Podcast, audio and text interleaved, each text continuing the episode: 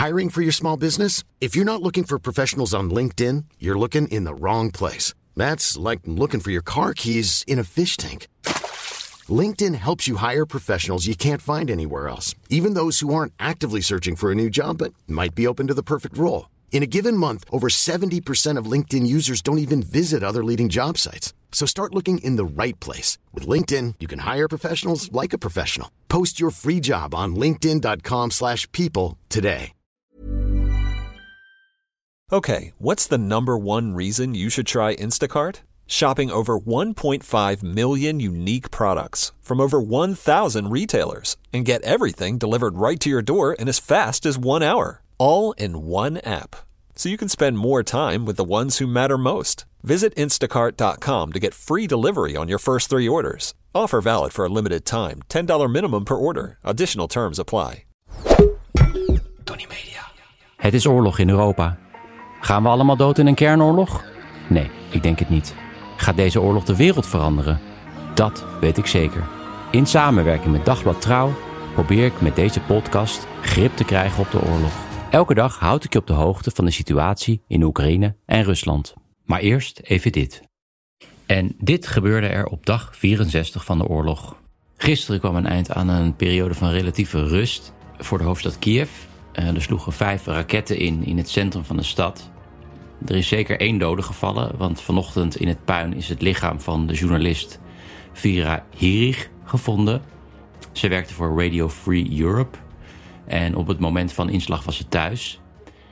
Op videobeelden zie je de enorme inslag van de raketten. Er staat een flatgebouw in brand, misschien wel van deze journalist.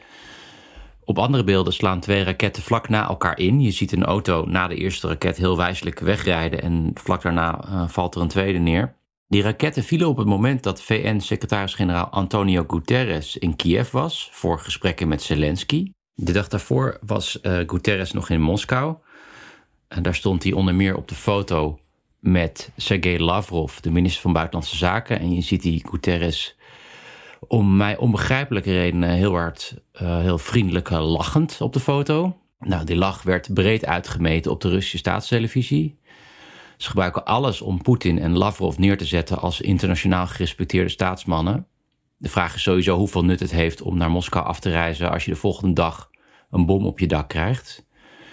Tijdens de dagelijkse videotoespraak zei Zelensky dat de raketaanval de ware houding van de Russen laat zien naar internationale organisaties als de Verenigde Naties. In de Donbass intussen opnieuw geen grote doorbraak voor het Russische leger. Er waren bombardementen in de regio Luhansk, uh, waaronder een bombardement op een ziekenhuis in de stad Severodonetsk. Daar kwam een 85-jarige vrouw om het leven. Ze lag al in het ziekenhuis omdat ze gewond was geraakt door granaatscherven. Intussen gaat het transport van westerse wapens naar het Oekraïnse front in de Donbass in rap tempo verder, waaronder de zware wapens die Oekraïners nodig hebben om van de verdediging op de aanval over te gaan. Volgens Alexei Aristovich, de presidentieel adviseur van Zelensky, zouden de Oekraïners tegen midden juni genoeg wapens hebben om in de aanval over te gaan. Verder verscheen gisteren een interessante peiling van het Levada onderzoekscentrum in Moskou. En daaruit bleek dat het vertrouwen in Poetin was gezakt van 44 naar 40 procent in de afgelopen maand. En dat is best ongebruikelijk voor een oorlogspresident, dat dat daalt tijdens een oorlog. Het percentage, het werkelijke percentage ligt waarschijnlijk nog wel, wel wat lager, want mensen spreken niet altijd de waarheid aan de telefoon natuurlijk. Als om een mening wordt gevraagd in Rusland.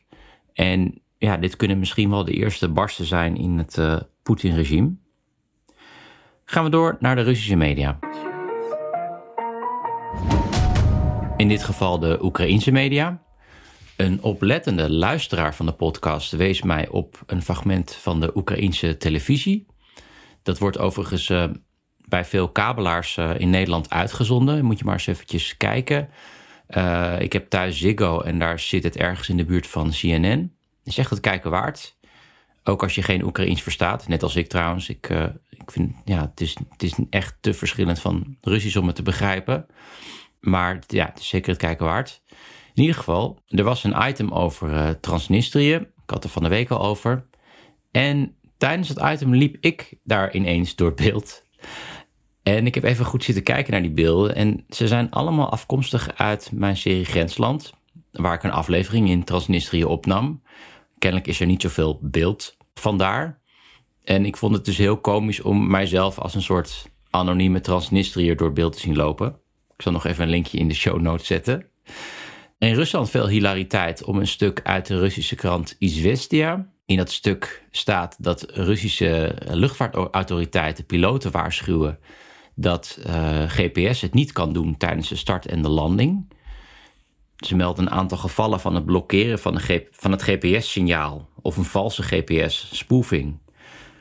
Dat zou dan gedaan worden door de westerse autoriteiten. Hoe je zoiets doet is me een raadsel, maar goed, ik weet er ook gewoon niet zoveel vanaf. Het gaat erom dat er ook een advies bij stond om bij gebrek aan GPS dan maar traditionele manieren van navigatie te gebruiken. Maar wat die traditionele manieren inhouden, blijkt verder niet uit het stuk. En toen sloeg de fantasie op hol bij veel Russen. Iemand opperde dat er misschien een piloot met een sextant moet gaan vliegen. of in de nacht moet navigeren op de sterren richting uh, Vladivostok. Uh, het is sowieso de vraag hoe lang die vliegtuigen in Rusland nog blijven vliegen. Want voor onderhoud moeten ze regelmatig naar het buitenland. Maar daar zouden ze gelijk in beslag worden genomen. Want al die vliegtuigen zijn in handen van buitenlandse leasebedrijven. Eigenlijk hebben die Russen gewoon al die vliegtuigen nu gejat. Maar dat lukt ze dus niet als ze de grens overkomen. En de schatting is dat die vliegtuigen over zes maanden serieuze problemen krijgen vanwege het gebrek aan onderhoud. Dus het is de vraag hoe lang ze kunnen blijven vliegen. En dat is natuurlijk best lastig voor een land dat in elf tijdzones ligt.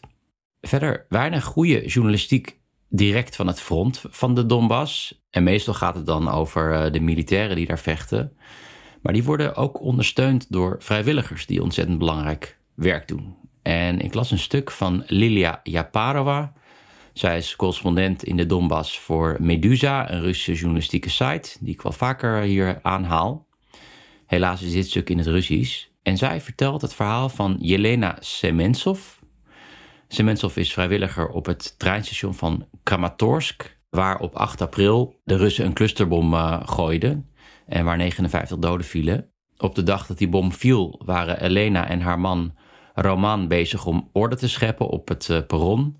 Het was toen chaos, want er was net een evacuatiebevel afgekondigd voor die regio. En heel veel mensen vertrokken uh, naar het westen. En op het moment dat die bom viel, vertrok er een trein naar het relatief veilige uh, Karpaten in het zuidwesten van Oekraïne. En Elena was op dat moment net water aan het halen buiten het station. En dat heeft, heeft haar dus gered. Haar man was wel op het station. En al snel vindt ze haar man tussen de doden. En later die dag ontmoet ze ook een twaalfjarig meisje bij de overlevende. En die heeft de hele tijd over een of andere oom-vrijwilliger die haar heeft beschermd.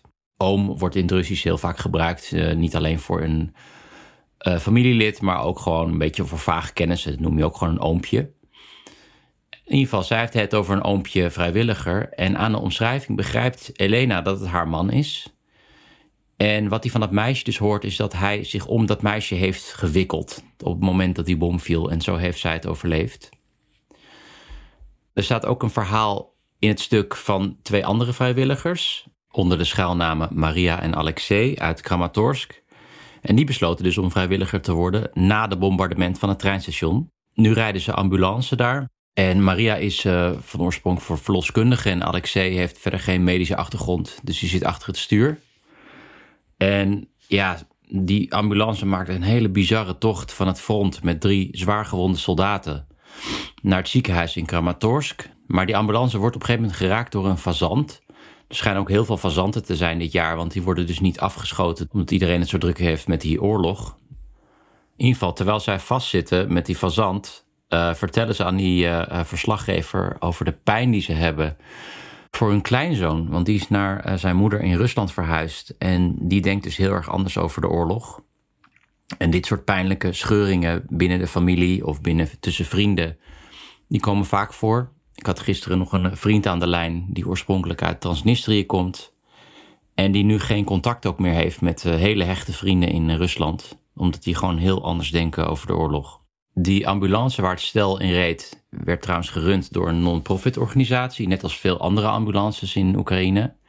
En ik zou hier graag even de aandacht willen vestigen op een hele goede club in Nederland.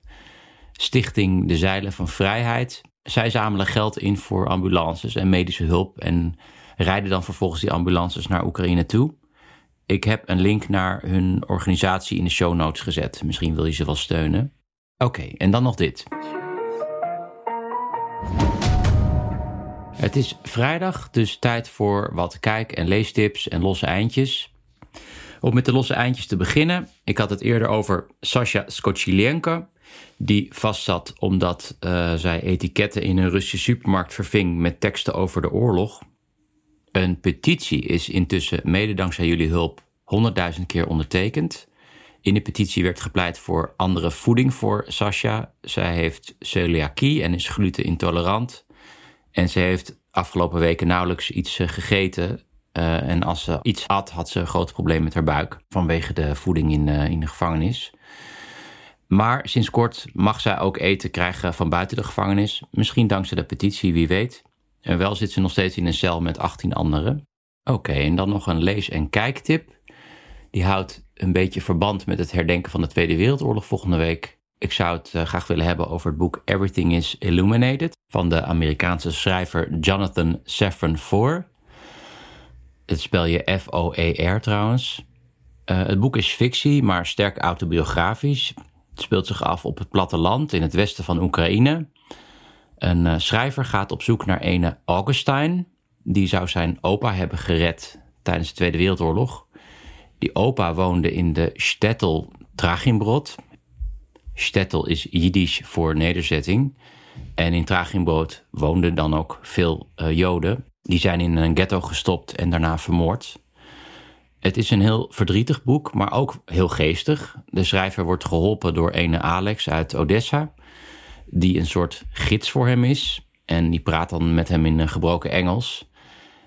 En uh, zijn nogal antisemitische vader, dus de vader van die Alex, die als chauffeur fungeert en naar eigen zeggen blind is. Je zou ook eventueel de verfilming van een boek kunnen zien. Zoals altijd is hij wat slechter dan een boek, maar hij is nog best oké.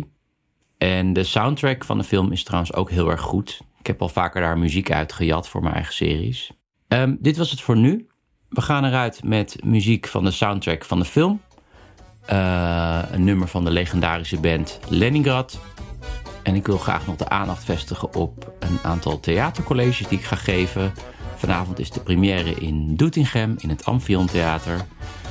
Ik reis daarna uh, verder door, waaronder op 11 mei in de OBA in Amsterdam. Er staat een link naar de hele speellijst in de show notes. Ik wens jullie een fijn weekend en tot maandag.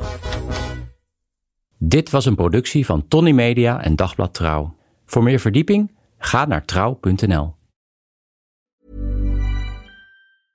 Hey, it's Paige DeSorbo from Giggly Squad. High quality fashion without the price tag. Say hello to Quince. I'm snagging high-end essentials like cozy cashmere sweaters, sleek leather jackets, fine jewelry, and so much more. With Quince being 50 to 80% less than similar brands. And they partner with factories that prioritize safe, ethical, and responsible manufacturing. I love that. Luxury quality within reach. Go to quince.com slash style to get free shipping and 365 day returns on your next order. Quince.com slash style.